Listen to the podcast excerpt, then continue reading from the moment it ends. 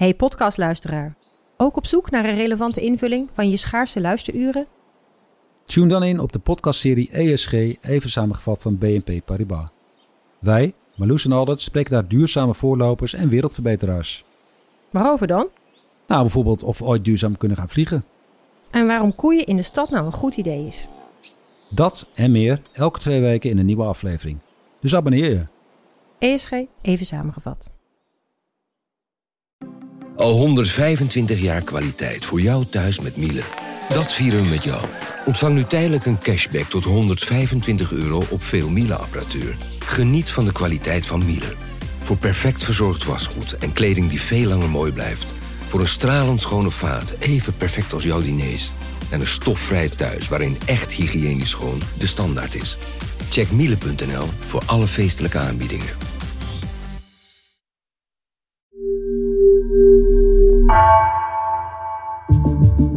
Vanaf de redactie van NRC het verhaal van vandaag.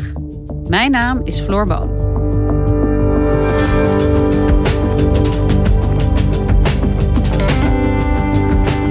Ook in Nederland is het vaccineren tegen corona deze week eindelijk begonnen. Een mijlpaal, maar binnen de EU is Nederland wel de aller allerlaatste. Politiek verslaggever Pim van den Doel zocht uit hoe het kan dat Nederland zo laat was. Was het strategie of onkunde?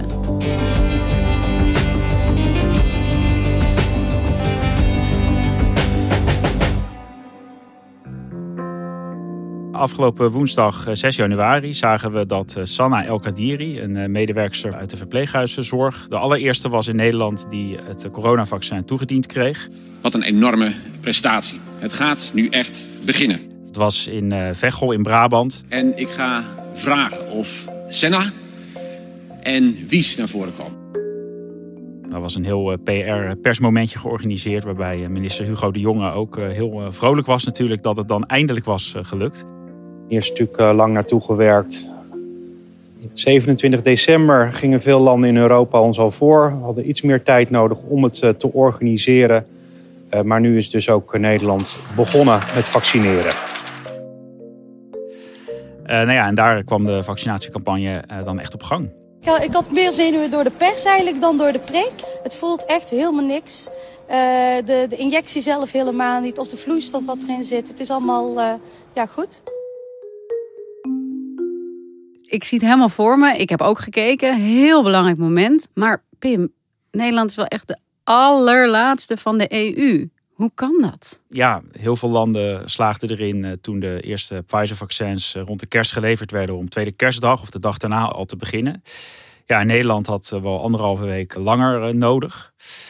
En past eigenlijk wel bij een patroon dat we in deze crisis al zien. Dat het toch op lijkt dat eh, het ministerie van Volksgezondheid met name, maar ook wel het RIVM en de GGD'en, dat die toch onderschatten, zeg maar, wat een opgave het is om zo'n vaccinatieprogramma ook op te starten. En ja, dat Nederland opnieuw eigenlijk, net als bij het testbeleid, ook op andere momenten, toch een beetje achter de feiten aanliep. En dacht, wij kunnen dit wel. Maar ja, uiteindelijk bleek toch dat we er eigenlijk niet helemaal klaar voor waren. Want Pim, jij volgt uh, het ministerie van Volksgezondheid al heel lang. Je volgt sinds het begin van de pandemie, volg jij ook politiek gezien hoe uh, corona uh, wordt aangepakt. Kun je ons even mee terugnemen? Wanneer begon Nederland eigenlijk met nadenken over de inrichting van het vaccinatieprogramma? Ja, nou, minister De Jonge die zegt steeds dat Nederland al echt in de zomer, al ruim op tijd begonnen zou zijn met de voorbereidingen. Maar goed, als je het gewoon een beetje terugzoekt, dan vond ik bijvoorbeeld pas in september voor het eerst een Kamerbrief waarin ook op die vaccinatie werd ingegaan. Maar goed, dat was eigenlijk niet veel meer dan vier A4'tjes met ja, een, een, paar hele algemene punten van we zijn aan het voorbereiden. Dus eind september lag er in ieder geval nog niet een erg concreet plan. Dat klinkt niet heel uitgewerkt, vier A4'tjes. Nee, nee, dat was ook nog heel, heel vaag en heel onduidelijk. Maar het ministerie en ook het RIVM dachten dat Nederland eigenlijk best wel een voorsprong had op andere landen. Omdat wij eigenlijk konden vertrouwen op eigenlijk de bestaande structuur van de griepvaccinatie die ieder najaar al in Nederland gedaan wordt. En hoe, hoe ziet die eruit? Ja, dat is natuurlijk met name voor, voor ouderen ieder jaar die extra kwetsbaar zijn. Die kunnen dan bijvoorbeeld de griepprik halen bij hun huisarts. Ouderen in het verpleeghuis krijgen die gewoon van hun arts in het verpleeghuis. En het idee was, nou, die coronavaccinatie, dat kunnen we heel makkelijk ook via die structuur doen. En we zijn dus eigenlijk al redelijk goed voorbereid. En hoe gaat zoiets? Want je hebt de politiek, die bedenkt een strategie, zeg maar. En dat doen ze in samenspraak natuurlijk met ook allerlei instanties en uh, clubs die daarop toegerust zijn. Wie bepaalt eigenlijk die strategie uiteindelijk? Ja, het ministerie en het kabinet zijn natuurlijk uiteindelijk die de keuze echt maken. Alleen ze hebben advies gevraagd bij de Gezondheidsraad. Dat is een eh, adviesorgaan wat wel vaker het kabinet adviseert over, over bijvoorbeeld ook andere vaccinatieprogramma's. En ze hebben dus aan de Gezondheidsraad gevraagd van goh, welke groepen zouden we nou eigenlijk, omdat we in het begin hè, een schaarste aan vaccins hebben, beperkte leveringen, welke groepen zouden we nou eigenlijk met voorrang als eerste moeten gaan vaccineren? En uh, nou ja, een belangrijk moment was in november, toen de Gezondheidsraad dus met een advies kwam. Mensen boven de 60, ernstig zieken en zorgpersoneel moeten volgens de Gezondheidsraad als eerste een coronavaccin krijgen. Dat schrijft de Gezondheidsraad in een advies aan het kabinet. Minister De Jonge kreeg vanochtend het advies van de Raad aangeboden. Dat heeft de minister toen eigenlijk ook na een dag overgenomen. Die zei, nou, dat vinden we een goed idee. Zo willen we het gaan doen. Ouderen en kwetsbare mensen eerst, zorgpersoneel eerst. De mensen eigenlijk die het meeste lijden hebben gehad van deze crisis. Als eerste vaccineren, dat is inhoudelijk een hele verstandige lijn. En dan is de strategie er eigenlijk op gericht om te kijken welke groepen zijn eerst. Ja, ja, dus in die strategie werd een hele volgorde aangebracht van goh, bij welke groepen begin je nou? Wie komen daarna in aanmerking? Eigenlijk met een heel tijdpad uh, uitgerold over de rest van het jaar eigenlijk, uh, tot de hele bevolking uh, ja, zou worden ingeënt. En een van de belangrijke aspecten daarvan was onder welke voorwaarden zeg maar, de vaccins moeten worden bewaard als ze eenmaal in Nederland zijn. En daar zitten nogal grote verschillen tussen. Het kabinet rekende er heel erg op dat eerst het vaccin van Oxford en AstraZeneca eh, zou worden goedgekeurd. Daar heeft Nederland ook het meeste van besteld. En het grote voordeel van dat vaccin is dat je het gewoon in de koelkast kan bewaren. En uh, nou ja, Nederland dacht, oh dat is makkelijk, dat komt eerst. Dat kunnen we allemaal uh, verspreiden naar de verpleeghuizen. En dat kunnen de huisartsen makkelijk gaan toedienen. Maar uiteindelijk kwam het Pfizer-vaccin als eerste. En dat had eigenlijk veel lastigere uh, ja, bewaarmanier. Namelijk ja, echt diep gevroren moet dat, min 70 graden. Uh, dan kan je het langer bewaren. Nou, en toen moest eigenlijk de hele logistieke puzzel opnieuw worden gelegd. Oké, dus jij zegt die Pfizer-vaccins die moeten echt diep gevroren. Dat is natuurlijk ingewikkeld. Maar in een verpleeghuis hebben ze toch ook wel een vriezer staan? Ja, nou vaak niet zo'n hele speciale vriezer om het zo, zo koud te bewaren. Maar wat nog een ander probleem was, vond het RIVM, was dat uh, dat Pfizer-vaccin in, in hele grote verpakkingen van wel uh, duizend flesjes werd geleverd. Uit zo'n flesje kan je dan weer vijf vaccins halen. En uh, ja, die verpakkingen die kon je niet zo makkelijk naar bijvoorbeeld de verpleeghuizen brengen, was het idee. Want dan had je veel te veel vaccin op die locatie. En dan dreigde er verspilling. Dat je met vaccin zou overblijven, wat dan zou, zou bederven.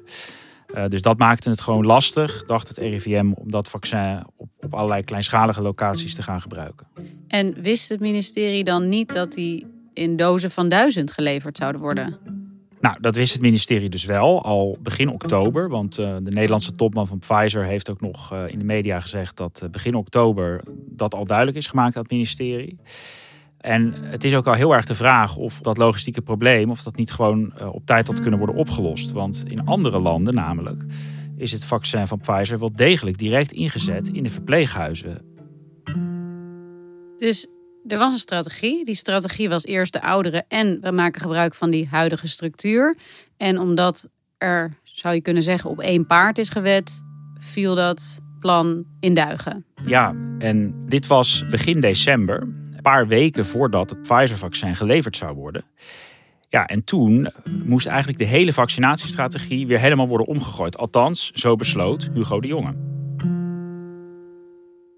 Dus begin december echt heel erg laat heeft het ministerie alles weer omgegooid. Ja. En konden dus die ouderen, die, hè, waarover de gezondheidsraad had geadviseerd dat het slim was om die als eerste te vaccineren, die konden niet meer worden gevaccineerd als eerste. Nee, er werd gezegd dat is logistiek te ingewikkeld. Dus het alternatief wat werd gekozen is we gaan eerst beginnen met het zorgpersoneel van die ouderen. Dus de medewerkers eigenlijk van de verpleeghuizen en de medewerkers in de gehandicaptenzorg en, en thuiszorg. Alleen daarvoor was dus een hele andere infrastructuur nodig. Want toen waren er opeens wel grotere locaties nodig waar dat zorgpersoneel naartoe kon komen. Toen moest plotseling de GGD opeens in actie komen om allerlei locaties te vinden. om allerlei extra personeel nog in te huren. Ik zag vacatures voor eh, projectleiders vaccinatie bij GGD-regio's nog half december. Dus de GGD was daar helemaal niet op voorbereid. Dus toen moesten ze binnen een paar weken opeens dat vaccinatieprogramma ook nog gaan voorbereiden. Wie kan je hier aanwijzen als verantwoordelijk? Wie kunnen we hier nou op aanspreken? Nou ja, uiteindelijk is het ministerie natuurlijk eh, verantwoordelijk voor de opstart, goede opstart van het vaccinatieprogramma. Alleen wat je wel zag, zoals ook wel eerder in, in deze crisis, is dat ja, de communicatie tussen het ministerie en de partijen die het moeten uitvoeren, dus het RIVM en nou ja, ook de GGD, de huisartsen, ja, dat men uh, eigenlijk een beetje naar elkaar keek en op elkaar aan het wachten was. En dat het ministerie ook niet echt de boel naar zich toe trok. Ik herinner me ook heel erg een minister, Hugo de Jonge, die ik op allerlei verschillende momenten hoorde zeggen dat dit eigenlijk allemaal de bedoeling was. En dat het, dit de enige manier was waarop Nederland zorgvuldig een vaccinatieprogramma kon opzetten. Ja, toen bleek dat de voorbereidingen uh, niet op orde waren en op het laatste moment moesten. Toen kwam uh, de jongen opeens met het verhaal dat Nederland toch vooral heel zorgvuldig wilde zijn. Dus je wilt het zorgvuldig doen, stap voor stap, omdat het veilig en zorgvuldig moet om het verantwoord te laten zijn. En we hebben heel bewust willen kiezen om het zorgvuldig te doen. Om uh, ieder stapje zo zorgvuldig mogelijk te zetten, zodat de mensen die zich laten vaccineren ook zeker weten... hier zijn alle checks en balances gewoon gevolgd. Uh, uh, hier kunnen we gewoon vertrouwen in hebben. Maar ja, dat riep meteen in de Kamerdebatten bijvoorbeeld de vraag op van... zijn andere landen dan zoveel minder zorgvuldig? Nou, volgens mij was dat toch een beetje een smoes om toe te dekken... dat Nederland weer te laat begonnen was met het voorbereiden. En de jongen zei ook steeds dat Nederland vooral heel erg wendbaar moest blijven... bij de vaccinatiestrategie. We moeten wendbaar blijven, want we moeten ook bij kunnen schakelen... op het moment dat het anders blijkt te gaan. En dat betekent dat we, dat we keer op keer wendbaar moeten blijven in de uitvoering maar goed, wendbaar, dat, dat, dat betekent volgens mij dat als eh, je opeens verrast wordt door dat een vaccin een paar maanden eerder komt en niemand had daarop gerekend heel, in de hele wereld, ja, dat je dan overvallen wordt en je plan moet aanpassen à la minuut, dat zal iedereen begrijpen. Maar wendbaar bleek bij minister De Jonge dat hij de afgelopen weken eigenlijk iedere paar dagen zijn vaccinatiestrategie moest aanpassen. Omdat hij weer overvallen werd door nieuwe ontwikkelingen. Of dat er weer een lobby kwam van het, de ziekenhuizen die bijvoorbeeld zeiden wij willen ook vooraan. En hij aan die lobby weer uh, ja, uh, tegemoet wilde komen. Maar ook omdat er eigenlijk gewoon niet zo goed plan lag. Dus, dus ja, hij kwam eigenlijk eh, door. Hij was eigenlijk iets te wendbaar op het, op het laatst.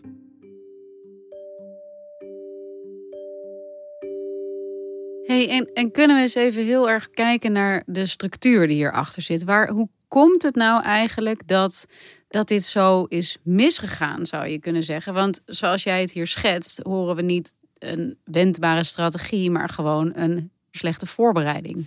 Ja, ik denk toch wel dat je hier bij de vaccinatie opnieuw ziet dat het ministerie deze opgave heeft eh, onderschat vanaf het begin daardoor ook te laat is begonnen met uh, goede voorbereidingen, goed overleg met alle, met alle partijen. En dat er ook ja, weer te veel eigenlijk geleund is op de bestaande structuren. Gedacht van, nou ja, we doen het zoals we het altijd doen en, uh, en, en, dan komt het wel goed. Ja, en, en dat het ministerie opnieuw eigenlijk te weinig de centrale regie heeft, heeft gevoerd. En wat je ook weinig hebt gezien deze maanden is uh, het ministerie slaagt er ook niet in om een beetje out of the box te denken. Dus waarom doen we het nou niet een keer? Hè? Waarom trekken we niet lessen uit hoe het met de testen misging? En doen we het een keer op een andere manier? Dus hè, er is wel geopperd van joh, laat Defensie die hele eh, vaccinatiecampagne gewoon op poten zetten. Die weten echt hoe je zoiets moet doen. Die doen dat binnen een paar weken waarschijnlijk, want in het buitenland doen ze niet anders. Maar dat soort creatieve ideeën, die ook echt wel zijn geopperd in de media door deskundigen ja, die vinden gewoon geen ingang bij het ministerie. Uh, hulp van buiten wordt eerder afgehouden. Dat wordt toch gezien als ja, maar wij doen het op onze manier en dat is de beste. Maar ja, elke keer blijkt dat die manier toch niet zo goed werkt in deze crisis. hey, en hoe is hier politiek op gereageerd? Nou, minister De Jonge ligt natuurlijk zwaar onder vuur al wekenlang. De Kamer uh, ja, wordt langzamerhand moedeloos van uh, dat patroon dat ook zichtbaar is. Uh, het ministerie wat te weinig regie neemt, wat te laat is, iedere keer weer. Dus uh, ja, de jongen had hele zware kamerdebatten de afgelopen maand. U bent, meneer de minister, niet de juiste man op de juiste plek. Sorry dat ik het zeg, maar met deze pandemie kunnen wij ons geen gezwabber, geen gebrek aan daadkracht, geen chaos en dus geen Hugo de Jonge als minister meer permitteren. Heel Europa prikt, maar deze minister wikt. Er zijn kostbare weken verloren gegaan en dat is onacceptabel. Wij zeggen het vertrouwen in u op. En uh, hij zit nog steeds, maar ik denk dat dat er ook mede mee te maken heeft. Uh, dat zij de belangrijke oppositiepartijen ook letterlijk met het feit dat ze hem wegsturen nu, ja, uh, niet vinden bijdragen aan de problemen. Maar in normale tijden had hij waarschijnlijk al moeten opstappen. Dus ja, dat is misschien nog wel pijnlijker dat ze de jongen laten zitten, omdat ze denken, ja, het is crisis, dus we kunnen hem niet eens wegsturen. En hoe moeten we de rol van premier Mark Rutte hierin zien? Ja, hij was heel erg afwezig in het hele uh, vaccinatiedebat eigenlijk. Tot de laatste keer, toen, toen uh, afgelopen week kreeg Rutte ook wel voor het eerst vragen over wat was nou zijn eigenlijk zijn rol geweest. Had hij eigenlijk geprobeerd om in te grijpen? Het is hard wat ik nu zeg, maar het is wel waar. Er is een probleem in het functioneren van deze minister van Volksgezondheid. En ik spreek daar de premier op aan. Hij is verantwoordelijk voor deze ploeg en mijn vraag aan hem is... op welke wijze gaat hij ervoor zorgen dat het niet weer misgaat? Maar ja, uh, Rutte had daar ook niet echt een heel goed verhaal bij. Hij erkende dat er fouten waren gemaakt. Dat had Hugo de Jonge ook al gedaan. Maar Rutte uh, wordt er uiteindelijk toch, toch iets minder zwaar op aangekeken dan, uh, dan de Jonge natuurlijk. Wat denk jij? Wat zou er, als je het hebt over de structurele, ja, over de achterkant van dit probleem en de structuren, wat zou er nou moeten veranderen? Nou, ik denk dat uh, het belangrijkste probleem is toch wel dat VWS ja, heel weinig grip meer heeft op de zorg en op al die uh, uitvoerende organisaties die op grote afstand van het ministerie staan. Dat geldt bijvoorbeeld voor de GGD'en, die worden echt regionaal aangestuurd, heeft VWS weinig over te zeggen. Ja, een van de lessen uit deze crisis moet toch zijn dat zeker op het moment dat je een crisis moet bestrijden, ja, dat je dan een, met een andere uh, structuur kan gaan werken, waarbij het ministerie gewoon veel meer macht heeft en veel meer directe zeggenschap, denk ik, over het zorglandschap. Maar goed, blijft volgens mij zo dat het ministerie in deze crisis die rol ook zelf al had kunnen nemen. Oké, dit is wat er allemaal is gebeurd. Dat is uh, niet goed, maar het is ook goed om weer, denk ik, vooruit te kijken. We hebben nu de eerste mensen worden nu eindelijk gevaccineerd. En, en nu? Vanaf nu is het natuurlijk te hopen dat de, de vaccinatiecampagne na een moeizame opstart wel ja, succesvol en soepel gaat verlopen ja, het, er wordt nog steeds, hè, worden er elke keer weer wijzigingen in, in de strategie aangebracht. Kijk, wat de Tweede Kamer ook heel graag nog wil, is dat toch hè, de verpleeghuisbewoners wat eerder kunnen worden gevaccineerd dan nu de bedoeling was. Om toch meer af te gaan op dat advies van de Gezondheidsraad om die meest kwetsbaren te beschermen. Maar goed, ik denk dat we hier uh, de komende weken ja, nog wel zoet mee zullen blijven. En dat iedere keer als er een nieuw vaccin wordt goedgekeurd of Nederland binnenkomt, dat er weer uh, ja, de druk zal zijn van oké, gaan we het wel direct inzetten of verdwijnt het niet weer in een vriezer of een koelkast? Dus ja, je, je mag er toch van uitgaan dat na alle kritiek en opstartproblemen, ja, dat dat uh, toch wat soepeler gaat dan dit begin. Ja, ik hoop het ook. En, en maakt het nog iets uit voor het verloop van de pandemie? Dat alles zo is gewijzigd de hele tijd. En dat eerst de ouderen wel en toen weer niet. En nu straks toch maar weer wel? Nou, kijk, dat we bijvoorbeeld anderhalf week later dan de rest van Europa beginnen. Dat is vooral heel suf en symbolisch heel slecht. Maar voor de vaccinatiegraad en de snelheid waarmee Nederland de bevolking kan vaccineren, zal dat uiteindelijk waarschijnlijk niet een heel groot verschil maken als we dan nu maar erin slagen om ook snel en grootschalig te gaan vaccineren. Dus uh, ja, die opstartproblemen zijn vooral heel knullig en schadelijk, maar uh, hopelijk niet beslissend voor hoe snel we de maatregelen bijvoorbeeld kunnen gaan afbouwen. Oh, ik hoop het ook. Ik ben er erg aan toe dat, uh, dat we weer wat lichtpuntjes krijgen in deze duisternis. Ja, wij allemaal, denk ik. Dankjewel, Pim. Graag gedaan. Voor meer informatie over de vaccins, luister deze week dan ook naar de podcast van Onbehaarde Apen.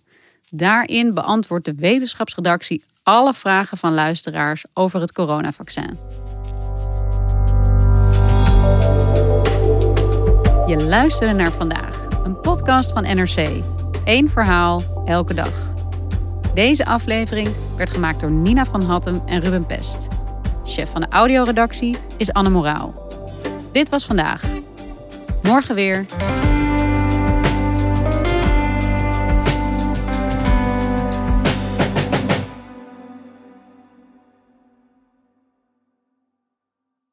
Technologie lijkt tegenwoordig het antwoord op iedere uitdaging. Bij PwC zien we dit anders. Als we de potentie van technologie willen benutten, kunnen we niet zonder een menselijk perspectief. Human-led, tech-powered noemen we dat. Ga naar pwc.nl.